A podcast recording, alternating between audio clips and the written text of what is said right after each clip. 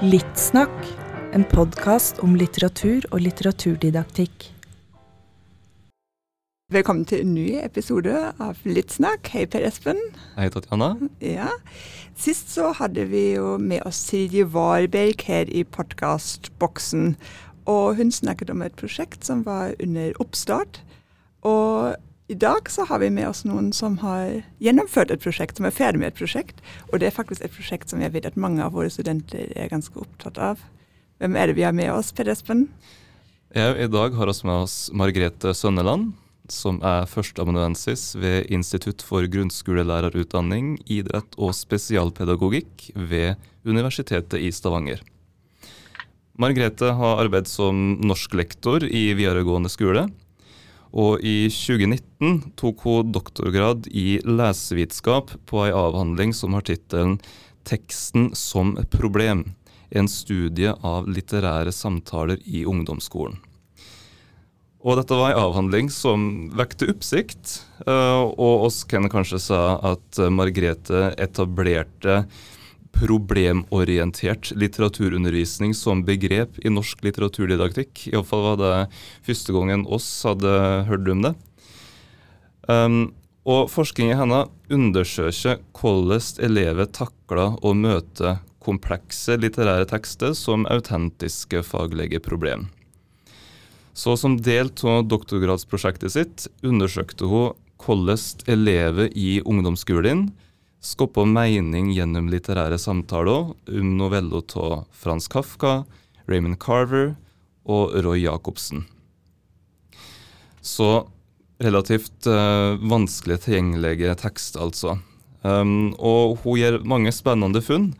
Og et viktig funn, som, uh, eller en god formulering som vi hadde veldig stor sans for, uh, den er som følger. Når elevene møter krevende tekster på egen hånd, trekker deres hermenautiske begjær dem inn i tekstene, og de svarer på en faglig relevant og adekvat måte. Sitat slutt. Og så tenkte vi oss at hermenautisk begjær, det kan oss ikke prate for mye om. Så derfor ønsker oss det hjertelig velkommen, Margrethe. Tusen takk. Kjekt å være her. Ja, velkommen. Du, Hva er hermenøytisk begjær, for å begynne med funnet ditt her? Hvordan vil du karakterisere det, beskrive det? Hvordan kan man se det? Ja, og hermenøytisk begjær, det satt litt eh, inne for meg òg å bruke en sånn terminologi, for det er jo et sånn et begrep. For det er jo, er jo noen som har brukt det før, eh, men på en, kanskje på en litt annen måte. Altså, det er et eh, begrep som dukte eh, Eller som eh, kom fram av, av funnene. Du kan si at det, begjær er liksom det Det kan ikke Altså, det kan ikke understrekes sterkt nok, kanskje, at eh, mennesket er et slags sånn meningssøkende dyr, på en måte. At vi drives av en slags kraft da, som handler om å søke forbindelser og sette enkelthendelser i større sammenhenger. Altså fra deler til helhet, og prøve å skape en sånn helhetlig forståelse.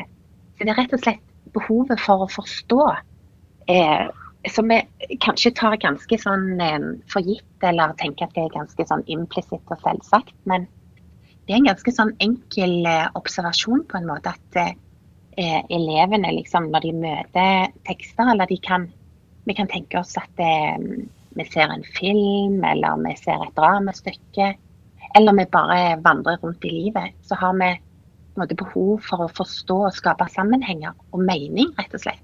Og at det er en veldig sånn, sterk drivkraft i oss.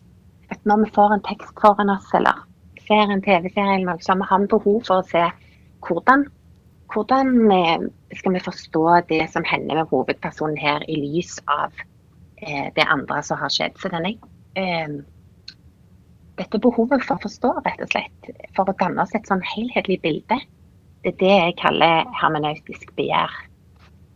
Det er veldig klargjørende forklaring. Og så lurer jeg litt på om det er noe spesielt med, med litterære tekster versus uh, film eller TV eller andre kulturuttrykk da, som, altså, som skaper en annen type hermeneutisk begjær, eller vil du si at det er, det samme? Jeg tror nok at det er kanskje lettest Altså det er eh, Det ser, kan se ut som at det er lettest eh, å se for seg at det vil være drivende i møte med tekster. Um, og altså med litterære tekster. Fordi at eh, litterære tekster er jo nettopp eh, eh, tekster som har til hensikt å forvirre oss litt. mm. Eller til å gjøre ting ikke klokkeklart. Hvis hvis noe skulle vært eh, veldig opp i dagen og transparent, så kunne vi jo lest eh, sakprosa. Mens eh, litterære tekster har liksom eh, i seg sjøl en sånn eh, eh, Et sånt mål om å få oss til å undre oss og lure på ting og finne ut av ting, da. Så det er et sånt et enormt potent Eh, det er potente tekster da, til å vekke det begjæret. Og det er liksom begjær, det høres jo ut som om det er noe litt mer aktivt enn, den, enn det dagligdagse tolkningsarbeidet vi gjør. Altså liksom I sånn mm. Gardem av forstand så tolker vi jo hele tida, helt sånn ubevisst. Mm. Men når du snakker om begjær her, så høres det ut som om det er en mer aktiv um, Ja. Mm. Det er mer aktive Ja en aktiv, en mer aktiv handling, kan en si. Mm. At um, um, At en, en blir, en mer, blir, mer, dratt inn i tekstene på en med, i kraft av det begjæret, da. At det er, blir så enormt viktig. Det, jeg kan si at det, det som en ofte ser kanskje når elever leser, og når vi leser selv, er at vi prøver å gi et sammendrag. At vi trekkes mot plottet, eller vi trekkes mot um, parafrasen, kanskje til og med. Sant? Der vi prøver å sette ting i sammenheng og gi en sånn slags helhetlig oppsummering eller forståelse. Og den parafrasen er jo ofte veldig utskjelt sant? som en sånn, eh, bare en sånn gjentagende eh, fremstilling av det som av, eh, kanskje motivet i teksten, om vi vil. Det helt men det er noe interessant i det at vi faktisk eh, drives mot å gi den parafrasen. Fordi at eh, det er et steg i den tolkningsprosessen som er det der begjæret, vil jeg si, som, eh, som, aktiveres. Og som begynner der. Og så, eh, og så er det et viktig steg til liksom, å utvide dette, denne forståelsen. Jeg tenker kjempe, Kjempeviktig poeng for å forstå hva, hva skjønnlitterær lesing er. at man Først så må man på en måte eh, jeg griper det som står i teksten, og så kan man prøve å skape nye forbindelser. Mm. Akkurat, sant. Så det, det, er liksom det å få på plass en slags sånn sammenheng, eller en helhet. Eh, og når, en, når, den er på en måte sånn cirka på plass, så kan en eh, Eller selv om det er det første, første en gjør, så kan en gå så, Eller det gjør en jo ofte, at en går videre der. For en ser at når en skaper denne parafrasen, så dukker det flere og flere ting opp som må utdypes eller kvalifiseres eller settes på plass. Og så er det en del der som ikke kommer med, men som, som eh, har en stor betydning da i, i, eh, for den forståelsen. Det der er jo et uh, viktig litteraturdidaktisk uh, poeng, tenker jeg, i og med at det du er inne på, er at uh, altså den, den første responsen, eller den det vi tenker på som en litt slik forenkla respons da, i form av et sammendrag, den er jo i seg sjøl uttrykk for ei tolking som det går an å bygge videre på, samtaler mer om, um, komme dypere inn i. Så ja, jeg tror det er viktig å, å tenke på det som du sier om verdien bare å, å skape et, et, overblikk eller et sammendrag. da. Mm. Mm. Ja, og det, jeg tror den der eh, parafrasen har blitt litt eh, raskt gått forbi, kanskje da. Eller kanskje ikke verdsatt. Og det er eh, så mye når vi, i hvert fall i noen praksiser, at en, eh, at en nedvurderer den som en eh, veldig sånn forenkla versjon. Mens det er, men det er et resultat av det begjæret, tror jeg. da. Nettopp å, og at det, er det som automatisk kommer først som en første respons. Det er å få på plass den der helhetlige meningen, da. Um, eller en, et, første steg i den meningen, da. Så er det jo masse didaktisk potensial eh, i en videreutvikling, da. Nå har vi liksom begynt med resultatet, men vi må høre litt om prosjektdesignet ditt. For dette, um, dette uh, hermenøytiske begjæret, det ser du da kommer spesielt til uttrykk Eller liksom blir stimulert, uh, særlig i møte med vanskelige tekster. Um, kan, kan, du si, kan du liksom bare beskrive litt uh, din forskning for din doktoravhandling for lytterne våre?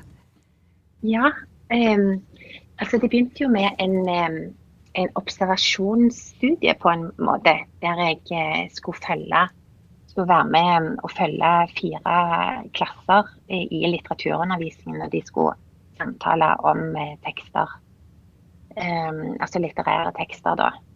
Og så var det liksom under observasjonstiden at jeg kunne se at um, Eller jeg mente å se, og, og lærerne som var med i studien, mente vel òg det, at det var litt sånn vanskelig å få um, elevene til å så um, koble seg på, for å bruke et veldig allment begrep, men til å bli eller la seg rive inn i tekstene. Da. Og det kunne jo selvfølgelig ha mange årsaker, men så um, mente jeg da ut ifra det de observasjonene jeg gjør og gjorde, og samtaler med lærere og elever, at det virka som at det var ingenting som i de tekstene de jobba med, som, som aktiverte dette begjæret. Nå, nå, nå, hadde jeg jo ikke det ordet eh, til å begynne med, sant? men som på en måte, jeg brukte heller ord som til å engasjere dem, eller koble dem på, eller til å forholde seg eh, substansielt da, til, til, det de leste. De virka som de var veldig fort ferdige. og Det virka som det var ikke noe så veldig mye for de å snakke om, rett og slett. Og det kunne ha med mange ting å gjøre. Det kunne ha med innrammingen å gjøre av aktiviteten, og det kunne ha med selve tekstene. Men jeg ble liksom interessert i både i tekstens betydning da, for det, for å vekke den eh, eh, viljen til å forstå. Eller viljen til å gå inn i, i tekstene og koble seg på, liksom. Og da eh, da fikk jeg lov til å prøve ut et slags eh, didaktisk design da, i klassene der, vi, der jeg sammen med læreren ble enige om at hva om vi, hva om vi prøver å Istedenfor å um, å gå til de eh, tekstene som gjerne er mer eller mindre kjent i deres um, tekstverden på skolen, og kanskje til og med også utenfor, går til noe som krever, eller som kanskje vekker de litt, og som krever noe annet av de. Um, og se hva som skjer, rett og slett. Og når innrammingen er såpass åpen at, de, eh, at teksten kommer mer i forgrunnen, da, kan en si. Og se på om det er noe rett og slett i, i, eh, i tekstvalget eller i de litterære tekstene som kan aktivere denne, dette engasjementet eller eh, den påkoblingen, eller hva jeg si. Så jeg prøvde ut eh, første 'Brønnen' av Roy Jacobsen i en åttende klasse. Og da ble vi så overraska over det positive resultatet. Altså både jeg og lærerne og andre forskere var med. At vi, vi, prøvde det om igjen da i tre klasser eh, da det gikk i niende med noen andre typer tekster, men, med, men som òg bøy på motstand da, på en veldig sånn eh, litt vanskelig tilgjengelig, at de er litt vanskelig tilgjengelige på ulike måter, rett og slett. Og se om vi fikk eh, det samme resultatet, eller om det samme skjedde flere ganger. At det ikke bare var et engangstilfelle. Så det var eh, Det endra seg jo litt underveis til designet, men det kom veldig sånn tydelig fram, syns jeg, at det, det har faktisk noe å si hva elevene leser, og hvordan eh, en rammer inn undervisningen. Og at den kan Og så kan en òg si at det kanskje bryter med en sånn eh, eh, en sånn tradisjonell praksis der en bruker en del tid på nettopp å etablere litt av parafrasen, kan en kanskje si. sant? Mm. I innrammingen der en sier litt om hvem dette er som har skrevet det, og hva, det handler om. litt sånn Og sånn, og så ber en gjerne eleven om å gå på jakt etter noe spesielt, eller se etter noe spesifikt. Eller til å snakke om uh, deler eller personer i teksten, eller om setting, eller om språklige virkemidler osv. Mens denne veldig åpne uh, innrammingen der teksten og eleven står i forgrunnen, det ga enormt mye spennende eller mange spennende funn. da, For det ble veldig mange spennende samtaler. Og de gikk jo i ulike retninger, de samtalene. Og en kan jo eh, En må jo huske på at det er en sånn Det er en første respons fra de, sant. Eh, så har jeg jo ikke sett på det som en kan gjøre etterpå, av eh, didaktisk potensial som er der etterpå, men kan se veldig klart at det er en verdsetting av en sånn eh, måte å møte teksten på. At det er en Vi kan få til en sånn eh, eh, kobling eller samspill mellom elever og tekstene dersom en eh, setter teksten i forgrunnen. Og at teksten er litt eh, Motsetter seg litt eh, den eh, umiddelbare forståelsen, da, kan du si. Etter å ha nok å snakke om. Jeg tror ikke du beskriver eh, forskningsprosessen på en utrolig fin måte. Dette her at du så et eh, bestemt problem, og så prøvde du å utvikle et, et slags undervisningsdesign som kunne kanskje gjøre noe med det problemet. Uh, og så forteller du om at du ble, både du og læreren ble overraska uh, det mm. dere så. Um, og en ting som, som oss har vært litt fascinert av, er jo nettopp det du forteller om hva uh, nettopp hvor åpe du la opp til at møtet mellom elev og tekst skulle være. For at du går jo nokså radikalt til verks i å selvstendiggjøre dem. De fikk jo ikke noe instruksjon i turtaking, så vidt vi kunne se, og heller ikke noe liste med spørsmål. Uh, men altså, hvordan, vil du si at, at, det fungerte? Du har jo sagt litt om det, men, men var det noen, noen ulemper med det òg? Eller fungerte det som smurt uh, hele veien? jeg var kjempeheldig, vet du. Det gikk jo som smurt. Det, altså, det er jo eh, Det gikk faktisk uh, som smurt. Yes. Men, men ja. Er det ingen som men, blir frustrert? Jo, jo, jo. Og sånn, sånn dere tenker, jo, jo, klart det det var, det var det, det er klart at det Du hører liksom eh, Det er veldig Altså, jeg hadde jo sett for meg at eh, ganske mange, og kanskje særlig de som ble utpekt som passive, ville, ville komme med sånn eh, eh spørsmål om eh, hva vi skulle gjøre igjen. Det er jo en veldig sånn vanlig inngang. Hva er det vi skal gjøre? Skal vi bare snakke om teksten? Eller hva er det med eh, skal vi skrive noe, eller eh, hva var Ja, sånne ting. Og så en enorm, selvfølgelig, frustrasjon hos mange at jeg forstår ingenting av dette. dette her eh, dette her sier meg ingenting. Det er sikkert en haug med metaforer og sånn som bare rasker sammen, spesielt i Foran loven da, av Kafka. Um, så det er klart det var mye frustrasjon. Men det var uh, det som jeg tror, eller en kan si i etterkant, er at det, det var jo frustrerende for alle. Sant? Eh, når teksten var såpass, eh, eller tekstene var såpass eh, krevende. Um, det er jo en slags um, Kanskje en slags ja, en sånn utjevning, da. Hvis en kan se for seg det. At det, de som var mest frustrerte frustrert eller usikre, de ble kanskje sittende en stund og, og vente til de andre som var mer frampå, hadde sagt noe. Men så forsto de da at disse forstår jo, de flinke forstår jo heller ikke teksten. sant? Altså er det kanskje noe meningsfylt jeg kan bidra med. Så det hadde en slags sånn um, Selv om de kom på litt seinere, så, så, kom de med med substansielle innspill etter hvert. Og, og, um, og det, jeg tror det handler om liksom, det at alle var i samme båt kan kanskje være at det var vanskelig for alle, rett og slett. Kan kanskje ha vært en sånn faktor at selv om, om en, mange var frustrerte og eh, kunne se ut som de gjerne kobla seg ut, så av en eller annen grunn så kobla de seg på igjen etter hvert i, i, samtalen. Så vi fikk faktisk alle elevene i tale, substansielt i tale. Det, det er um, overraskende. Det, det, er kjempe, det, er jo kjempeimponerende. Det er jo en bragd. ja, det, det, er overraskende. Men det er klart, det er noen som er eh, som sier lite, sant. Jeg husker da en eh, spesielt en eller i åttende klasse som kanskje ikke sa noe de første ni minuttene. Og det er ganske lenge, det, mm. i en sånn samtale.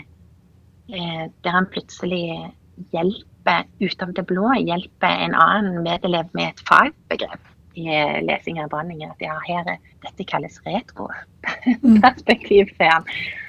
Um, um, som, er, som hjalp da denne her eh, flinke eller mer aktive eleven litt videre i sin, eh, i sin lesing. Og så en fin oppsummering til slutt. Sant? Så um, ja.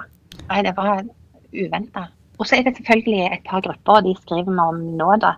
Eller spesielt én, som, eh, som bøllegjeng, vet du.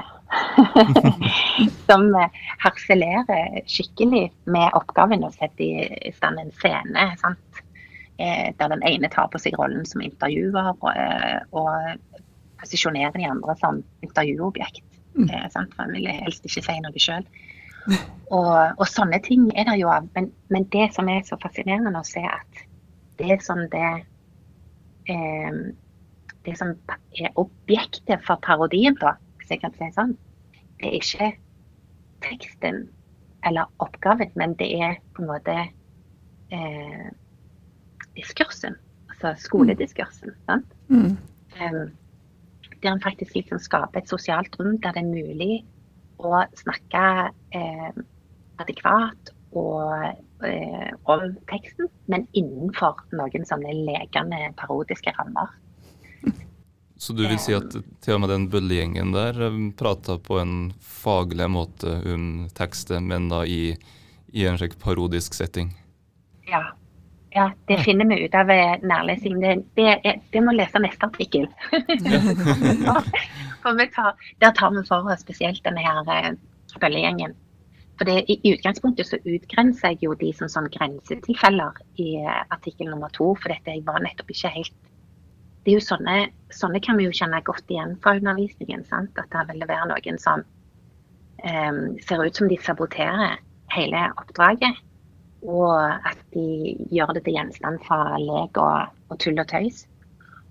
Og, um, men med nærmere analyse og, og, så ser vi faktisk at det, at det, det som er objekt for uh, latterliggjøring, da, det er ikke teksten og oppgaven eller den rammen, men det er, det er mer de eh, skolske rammene og den praksisen de er en del av og blitt skolert inn i. da. Så det er ganske du, du skal jo ha en ganske god kunnskap òg om eh, praksisen for å kunne sette den som objekt for parodi. sant? Mm. Så det, vi må være, i alle fall være forsiktige med å avfeie sånne, sånne samtaler som eh, tull og tøys før en har sett nærmere på det, tror jeg. Mm. Kjempegodt poeng. og jeg synes også Det er så helt nydelig når de forteller om den eleven som ikke sier noen ting på ni minutter, men så er det så, så faglig godt, det han kommer med eh, etter hvert. Og, og, det liksom å gi elevene tid til å, um, til, til, å være taus så lenge og vise sin faglighet um, på et senere tidspunkt. Ja, det er fint det du, det du sier der, Tatjana, med, med det å la de få litt tid til det. For jeg kan jo det, jeg kan jo tenke seg at det i, i noen praksiser så vil det være veldig sånn tett tett eh, eller nøye kontrollerte aktiviteter. Sant? Der læreren òg går rundt eh, i gruppene og passer på at de snakker faglig og peker i teksten og, noe, sant?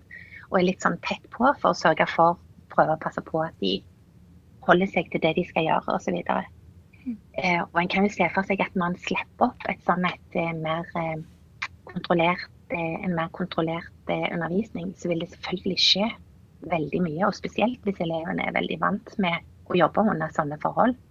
Så aner en jo ikke hva som kan skje. Det kan de begynne å snakke om. Og det er klart, det er der i mitt materiale òg. Det, det, er elever som snakker om eh, tannlegen og matteprøven de hadde i går. sant? Og eh, hva skal du kle deg ut som på karnevalet osv. Altså, det er klart det er sånne utløp, men det, det tenker jeg er utrolig viktig å være tålmodig i. Fordi at hvis en har eh, gir en litt tid, og, eh, og hvis problemet er interessant nok, vil jo jeg si, så kommer de tilbake til det. På et nivå der de er ferdige å gå inn og ut av teksten og inn og ut av diskursene. De må jo òg nesten få lov til å være litt avkobla innimellom. Men eh, jeg tror tålmodighet er en liten sånn nøkkel her. Og så å finne den balansen da mellom hvor åpent det skal være, og hvor mye tull de skal få lov å holde på med. og, og, mer eh, didaktisk styring. Dette blir jo en veldig anerkjennende tilnærming. Og når du prater om denne den her bøllegjengen som ved nærere ettersyn viser seg å faktisk ha ganske god faglig innsikt, eller som greier å turnere den norskfaglige diskursen på en veldig avansert måte, så, så, tenker jeg at det går jo rett inn i en debatt om um, gutter som skoletapere, som dukker opp uh, med jevne mellomrom. Um, og det, du viser jo fram, eller i den artikkelen du jobber med nå, da, så, uh, så viser du jo fram et, et alternativt bilde. Uh, som jeg tror kan være veldig viktig å, å merke seg for litteraturdidaktikere. Ja, jeg tror, vi har um, det der med en toleranse og anerkjennelse for måten en ønsker Eller hvordan um, elevene går til verks innenfor skolens rammer. da. Det kan være veldig forskjellig. Jeg er litt sånn overraska sjøl over at eh, Eller jeg blir tatt til uh, jeg har lært mye sjøl av eh, å lytte nøye på de gruppene som er eh, typisk rebeller. Og det kan jo godt være at det er at det vil være gutter som i stor grad kanskje iscenesetter dette. Og jeg tror det er viktig å huske på at eh, det å lese litteratur og snakke om litteratur at det, Man kan ikke se vekk ifra at noen gutter vil synes det er litt kleint sant? å komme med, eh, komme med egne følelser osv. Og, så eh, egne responser på sånne menneskelige ting. For det er jo relasjoner det er snakk om i litteraturen. og det er, det, det er jo, Litteratur handler jo om å være menneske. mm. Det kan være litt sånn eh, vanskelig, og kanskje òg Jeg har tenkt litt på det at eh, jeg lurer på om, om det for noen kan være litt ubehagelig å måtte by så mye på seg sjøl i møte med litteratur. Altså at det, vi har litteraturundervisning som så sterkt betoner opplevelseestetikken og det å eh, det å, å, uttale seg om relasjoner mellom folk, hvordan de føler. Og hvordan de opplever og sanser. Og at det er ikke alle som syns det er så stas å måtte by på i en skolesammenheng. Og det kan være sosiale funksjoner eller eh, sosiale forhold som gjør at det er vanskelig. Det kan være personlige ting. sant?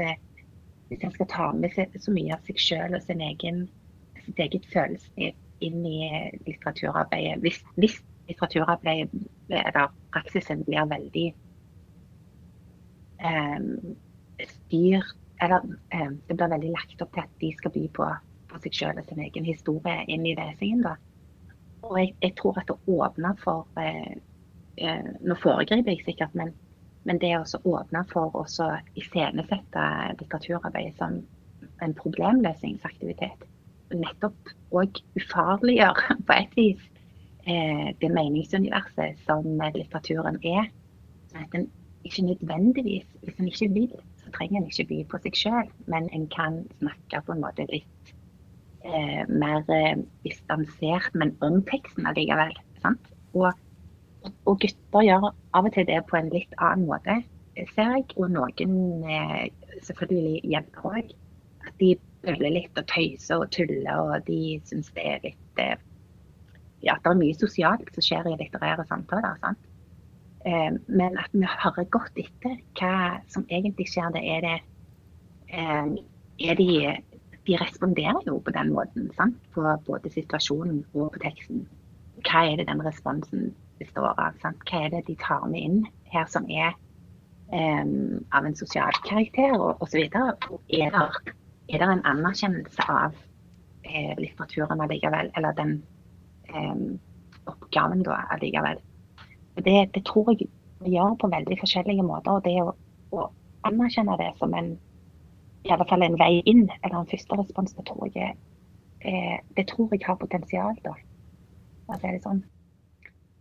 Jeg blir så nysgjerrig når du, jeg blir så nysgjerrig når du, når du forteller om dette, her, for det her syns jeg er et kjempespennende tema. Og så lurer jeg på om du um, Da du gjennomførte doktorgradsprosjektet ditt, så setter du vel elever i, i gruppa til å samtale om tekst, stemmer ikke det? Jo. Eh, men tenkte du da gjennom kjønnssammensetning at du skulle ha noen jentegrupper, noen guttegrupper og noen blanda, eller er det tilfeldig at du nå sitter med ei, ei guttegruppe som du kan skrive en egen artikkel om? Ja, vet du hva, det er òg eh, tilfeldig, for jeg brukte gymlærermetoden, rett og slett. Ja. Altså 1, 2, 3, 4, 5, 6. 1, 2, 3, 4, 5, 6. mm. Og det, det, var jo Det kunne jeg jo gjøre fordi det var litt sånn mer et sånn forsøk, da, eller et lite stunt. Men lærerne ville jo ikke gjort det sånn. Sant? De jo, kjenner jo elevene sine, og de ville jo satt elevene inn i de gruppene de, de tror vil fungere bra. Mm. Og en kan jo kanskje se i ettertid at um, uh, f.eks. havner det en, en, gutt på en ren jentegruppe. og Han, blir, han kommer med virkelig substansielle innspill i lesingen av små ting. Eh, der en peker på betydningen av at ungen er bare omtalt som unge, og ikke med navn og ikke med han eller hun, eller ikke med kjærlighet, men på en veldig sånn ironisk distansert måte. Og han blir, eh, han blir liksom normalt eh, hysja på og liksom parkert av eh, veldig sterke jenter. Men han gir seg jo ikke, da. Det skal han ha. Og, mm. eh, det, men det tenker jeg det hadde vært potensial i å se at de fikk lytte til sin egen samtale. sant? Det, kan, det kunne vært mye læring i at elevene sjøl fikk lytte til sin egen samtale. Men, eh, men det med å sette sammen grupper òg, det er jo òg noe er veldig oppmerksom på, i hvert fall kanskje på mellomtrinnet og ungdomsskolen. Um, men ja, det kan komme noe ut av å, rykke opp i de strukturene òg, tror jeg. Bare for lytterne våre så er 'Små ting' er den ene novellen av Raymond Carver. Ganske kort tekst, ikke sant? Ja. ja. Mm. Det? ja. Mm. det er det. 'Små ting' eller 'Little Things' av, mm. av Raymond Carver, ja. Mm. mm. Anbefales. Tenk meg, jeg fikk en sånn liksom For å gli over i litt sånn det anekdotiske, men men egentlig mer det, det, du sier om, om guttene som, som, tar ordet, og dem som vanligvis er ganske stille eh, i møte med, med, en tekst der elevene må forholde seg til tekstuniverset og ikke så mye eh, konsentrere seg om sin egen reaksjon på teksten. Um, så Det resonnerer så godt med det noen videreutdanningsstudenter som jeg underviser, um, har erfart med bruk av bildebøker på småtrinnet. Um, og de har, de har, hatt litt samtaler om bildebøker med en kompleks ikonetekst. Og de har gjort akkurat de samme erfaringene, at elevene blir veldig engasjerte. Det var liksom, Teksten ble sånn et problem. De ble veldig engasjerte, og at det var særlig Det var flere studenter som påpekte at det var guttene som vanligvis ikke sier så mye, som ble engasjert i samtalen. Ja. Så jeg synes det er et kjempepoeng, og åpenbart noe som man kanskje kan se, se videre på. Ja, det skulle det gjort, litt gjort studier av, altså. Det var utrolig spennende å høre. Um, det, er jo bare en sånn fornemmelse en ser, men det var jo gutter som var utpekt uh, her òg i mitt materiale som passive. Sant? Og kommer ikke til å si noe, um, osv. Og de har jo lang erfaring med det. Og, uh, og det, det, gjorde de da, plutselig. Det, og det er nok noe der vi ikke skal kimse av. Det er klart at det, vi ønsker jo at eh, litteraturarbeidet, da skal kreativiteten òg få spillerom og fantasien, ikke minst. Sant? At det, de skal kunne få lov å komme med seg sjøl. Det handler da For å få til det, så skal du liksom få til et, eh, et, et klasserom der der det er trygt å komme med sånne og ta med seg sjøl, da. Sant? Men så må vi òg anerkjenne at eh, det er ikke alle som eh, eh av ulike årsaker eh, syns at det er særlig spennende. Og at, og at så er det òg noe med å appellere til den der litt sånn logiske, finne ut av problem. Altså når du rammer inn eh, en tekst som et eh, faglig problem, så så appellerer det til mer enn bare hvordan en opplever litteraturen, men mer som noe vi skal finne ut av rent intellektuelt òg. Veldig viktige poeng for både oss og studentene våre, dette her. Ja, for du er opptatt av at du posisjonerer elevene som, um, så, som kunnskapsrike og som nesten som medforskere. Jeg husker ikke helt hva du du bruker en sånn formulering om at du posisjonerer elevene på, på en annen måte enn, du, enn, enn, man ofte gjør i skolesammenheng. Ja, det er Altså, jeg tror eh, det er Og det kan godt være det vil bakfyre en eller annen. Men eh, jeg, jeg posisjonerer de som likeverdige mm. Eh, deltakere i et sånt tolkningsfellesskap. Og det er en sånn anerkjennelse av at deres erfaring eh, altså de som lesere og som mennesker i verden, jeg har eh, responser som jeg ikke har, og jeg ikke kan ha. Og de er òg et produkt av eh, en erfaring som jeg ikke hadde, og som vi som eh, undervisere og lærere ikke har. Og de kan faktisk bringe med seg nye perspektiv. Og hvis en, hvis en faktisk tror på det og mener det, at en tenker stort om elevene, at, at de de er faktisk eh, mennesker med helt eh, egne og unike erfaringer. Og, eh, og, hvis tekster er åpne nok, altså hvis litteraturen er åpen nok til å invitere inn eh, eh, mange stemmer, da, så vil det òg være mer rom for at en helt substansielt faktisk kan bidra inn i faget.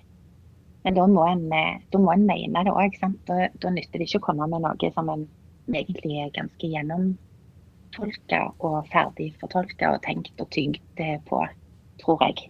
For mm. da de, gjennom, de gjennomskuer fort det, om du, de faktisk er anerkjent som, som deltakere i et likeverdig deltakere, eller om de er, og du er interessert i hva de vil, hva de tenker, og, og hvordan de eh, forstår teksten.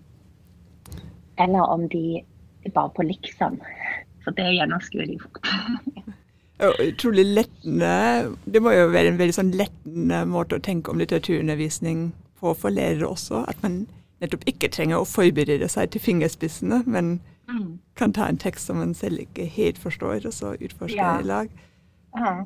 Tenk så kjekt det blir for lærerne òg. Det er klart at det, dette er en tradisjon som jeg tror kommer til å altså, Ikke en tradisjon, men dette er en praksis mener jeg, som kanskje vil ta tid å utvikle. fordi eh, der de jo involvert i en tradisjon der det at ikke læreren har alle svarene, blir på en måte sett som For du som lærer skal jo ha alle svarene, og de vil jo gjerne at du samler kanskje trådene for dem etter hvert som de får en slags eh, kvalifisert eh, tolkning, og vil gjerne vite om de har rett eller feil, eller en, en mer eller mindre sannsynlig eh, fortolkning av teksten. da.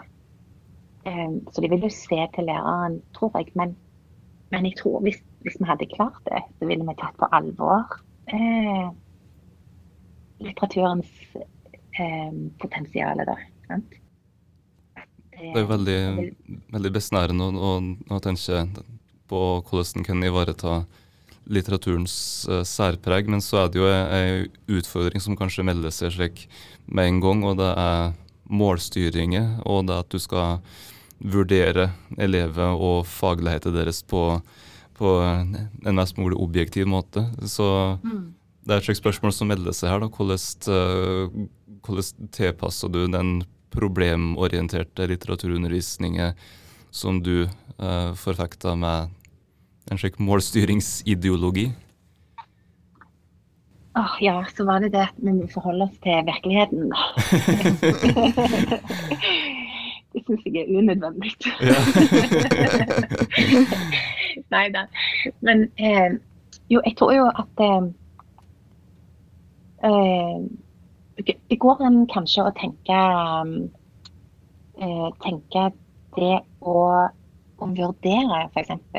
Eh, litterære samtaler i prosessen, altså det som vi kaller da underveisvurdering. At det, eh, hvis vi tenker sånn at det som vi skal vurdere, det, det er tegn på det vi tillegger faglig verdi. Sant?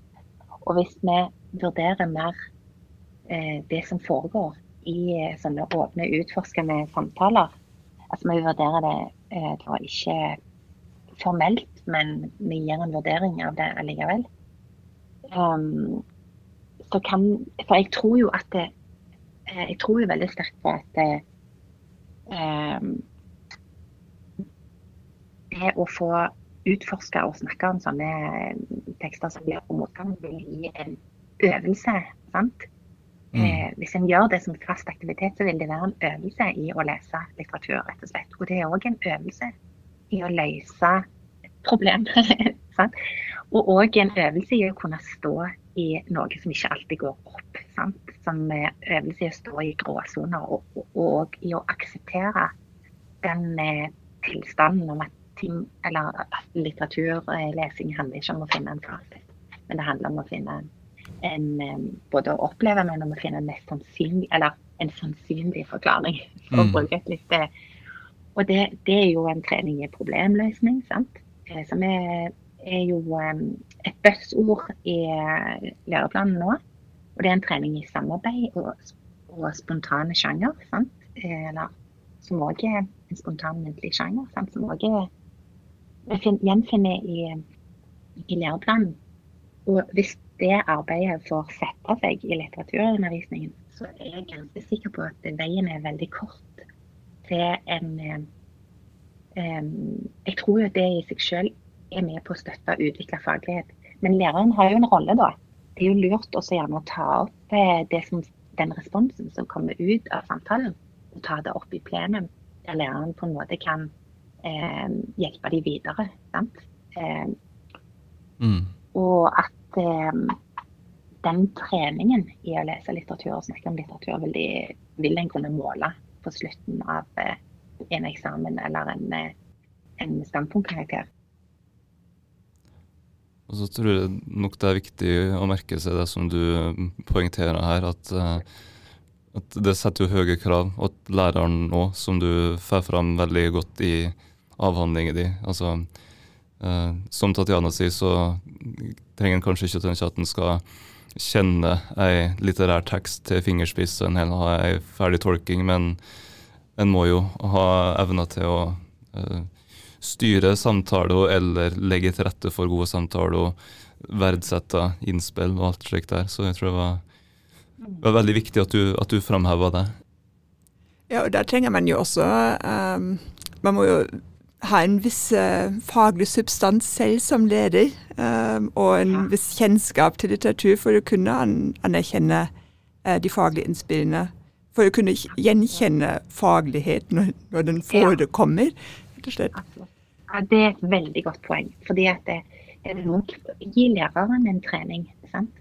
i å se at eh, hvis læreren tar seg tid til å se hva som, er lytta til det som faktisk kommer frem i samtalen, så ser en jo at elevene bruker jo De snakker jo om litteratur i, i mitt materiale, da, og det har jeg sett ellers òg, om litteratur på en faglig måte. Men det er ikke alltid de bruker fagbegrepene. Og det å, å, være, å, se at det faktisk er faglighet, eh, det er en trening for læreren òg. Så læreren må absolutt være eh, godt på innsiden av, eh, eh av litteraturens eh, verden, holdt jeg på å si.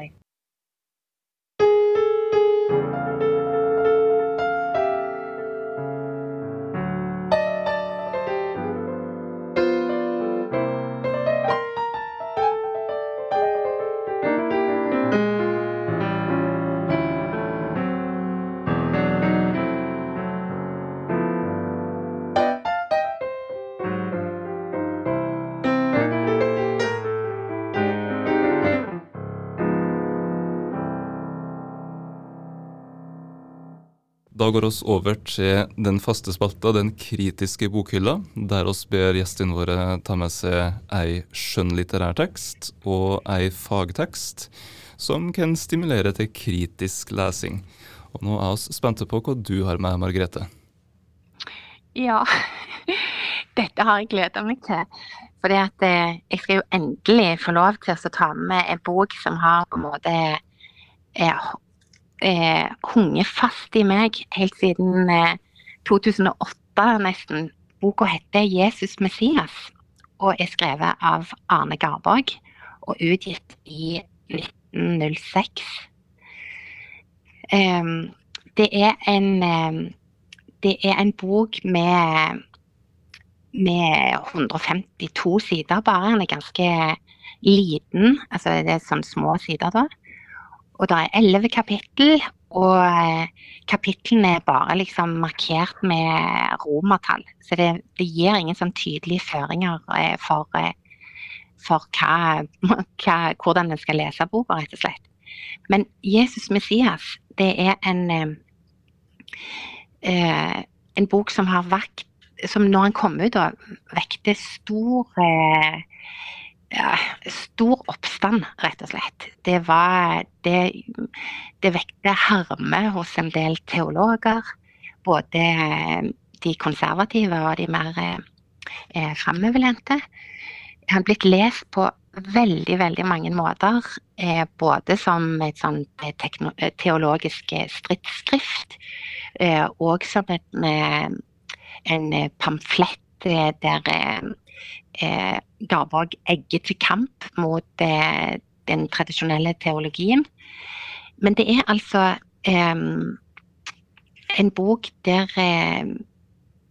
Arne Garborg demonstrerer kritisk lesing på, en, på, det jeg mener er nesten en sånn maktdemonstrasjon, eller en sånn forbilledlig måte. da han leser Han tar for seg Han sier vel i, i begynnelsen, eller i foråret, at eh, det er vondt å lese den boka, og da, da mener han Det nye testamentet. Det er vondt å lese i den boka når en først har gått i skole ja, de kunnige, altså de som kan tolke eh, Det nye testamentet. Jeg lot hjelpe til med pennen, skrive opp det jeg las, og tankene jeg fikk av det jeg las, og langt om lenge tok det til å greie for meg. Eh, så, så, det han, er som han sjøl sier formålet, det er rett og slett å granske og utfordre eh, tradisjonelle lesinger av Det nye testamentet, for å si det litt eh, enkelt. Og det han gjør, han går nesten vitenskapelig til verks. Um, han fører jo en slags argumentasjon, men han går vitenskapelig til verks der han tar for seg evangeliene, mellomøket så vises det til apostelgjerningene, korinterne og Peters sine brev og, og kongebøkene osv. Eh, men han går vitenskapelig til verks og, og, prøver å finne kildene til eh, evangeliene. Og undersøker flere tolkningslag av, eh, av lesing og tolking av både ord og begreper som kommer i i Det nye testamentet, men òg helhetlige tolkninger og forkynninger og historiske lesemåter. Så, så, det er rett og slett det på en måte kritiske grepet han tar på den teksten, der han på en måte behandler ny, Det nye testamentet som tekst. Sant? Ikke som, som et del av et annet eh, tekstunivers enn en det tekstuniverset som alle tekster inngår i, hvis det, det gir noen mening. Eh, og med å behandle Eh, det nye testamentet som tekst, eh, og lese det som tekst, kritisk, da, nesten historisk kritisk, kan en kanskje si, så trer det fram eh, en annen eh, Jesus, rett og slett, enn det som, eh, det som teologien forfekter. Og det er, så, det er så, interessant å se at det, at det, det det som er interessant, det er at den boka byr på så mange eh, måter å lese på, eh, eller forstå boka på, avhengig av hvor en plasserer seg selv ideologisk, eh, og hvor en plasserer seg selv eh, religiøst, kanskje, og kulturelt, og historisk. Så vil en gi veldig mange forskjellige Den vil åpne for veldig mange forskjellige forståelser, rett og slett. Og den vil gi en sånn dyp innsikt både i historiske og ideologiske strømdrag, men òg i, i den eh, makta det ligger i å kunne sjøl lese og skrive. Rett og slett. Så fantastisk. og vi ja. prata litt om det før oss uh, starta opptaket her, at dette er jo ei bok som altså, Arne Garborg er jo en ekstremt uh, kjent forfatter i den norske kanoen, og bøkene hans blir trykt opp igjen og igjen, men akkurat Jesus Messias, den, den har gått litt under radaren og fins nesten ikke å få tak i? Ja, det stemmer det. Det er liksom Det er jo Altså magasinet biblioteket har en jo, og du kan jo få tak i en i noen eh, utvalgte antikvariat. sant? Men han er ikke lett tilgjengelig, han er ikke modernisert. Og han, ikke, han inngår ikke i disse samlingene til Arne Garborg sine samlinger.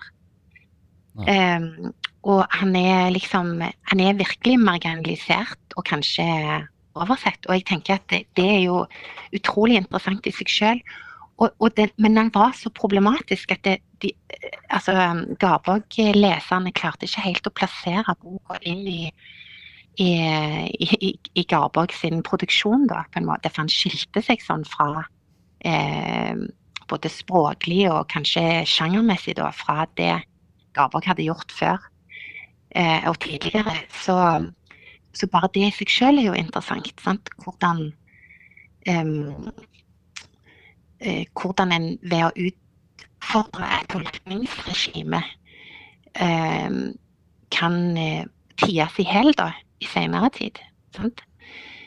Um, men så viser det òg betydningen av å, og den potensielle krafta det ligger i å, å virkelig gå eh, kritisk til verks og, og anerkjenne seg sjøl som tekstleser og, og kritiker. Når en på en måte på en måte respekterer teksten som autoritet, men på en annen måte Men etter du har gjort det, for Gabok har jo først gjort dette, han har anerkjent eh, Bibelen som, eh, som, autoritet. Men etter å ha gjort det, og anerkjent de, de en måte tradisjonelle tolkningene som er å finne av de som liksom kan tolke teksten, altså lærerne f.eks., eller teologene, så, så, tar han pennen i egen hånd og bruker, bruker, sin egen tankekraft til å utfordre de eksisterende regimene. Og det syns jeg er Og med å gå helt eh, vitenskapelig til verks. Og tenk hvis vi hadde fått sånne elever. Ja, tenk. det synes jeg var helt sånn utrolig spennende å høre på dine refleksjoner rundt den teksten. Og det, det er også rikt å si noe om kanondanning over hva kritisk lesing er, og kritisk tenkning er. Og det sier noe om, uh, om, om hvor viktig um, tilgang til tekst er. Og, ja, mm. det, det, er veldig rikt.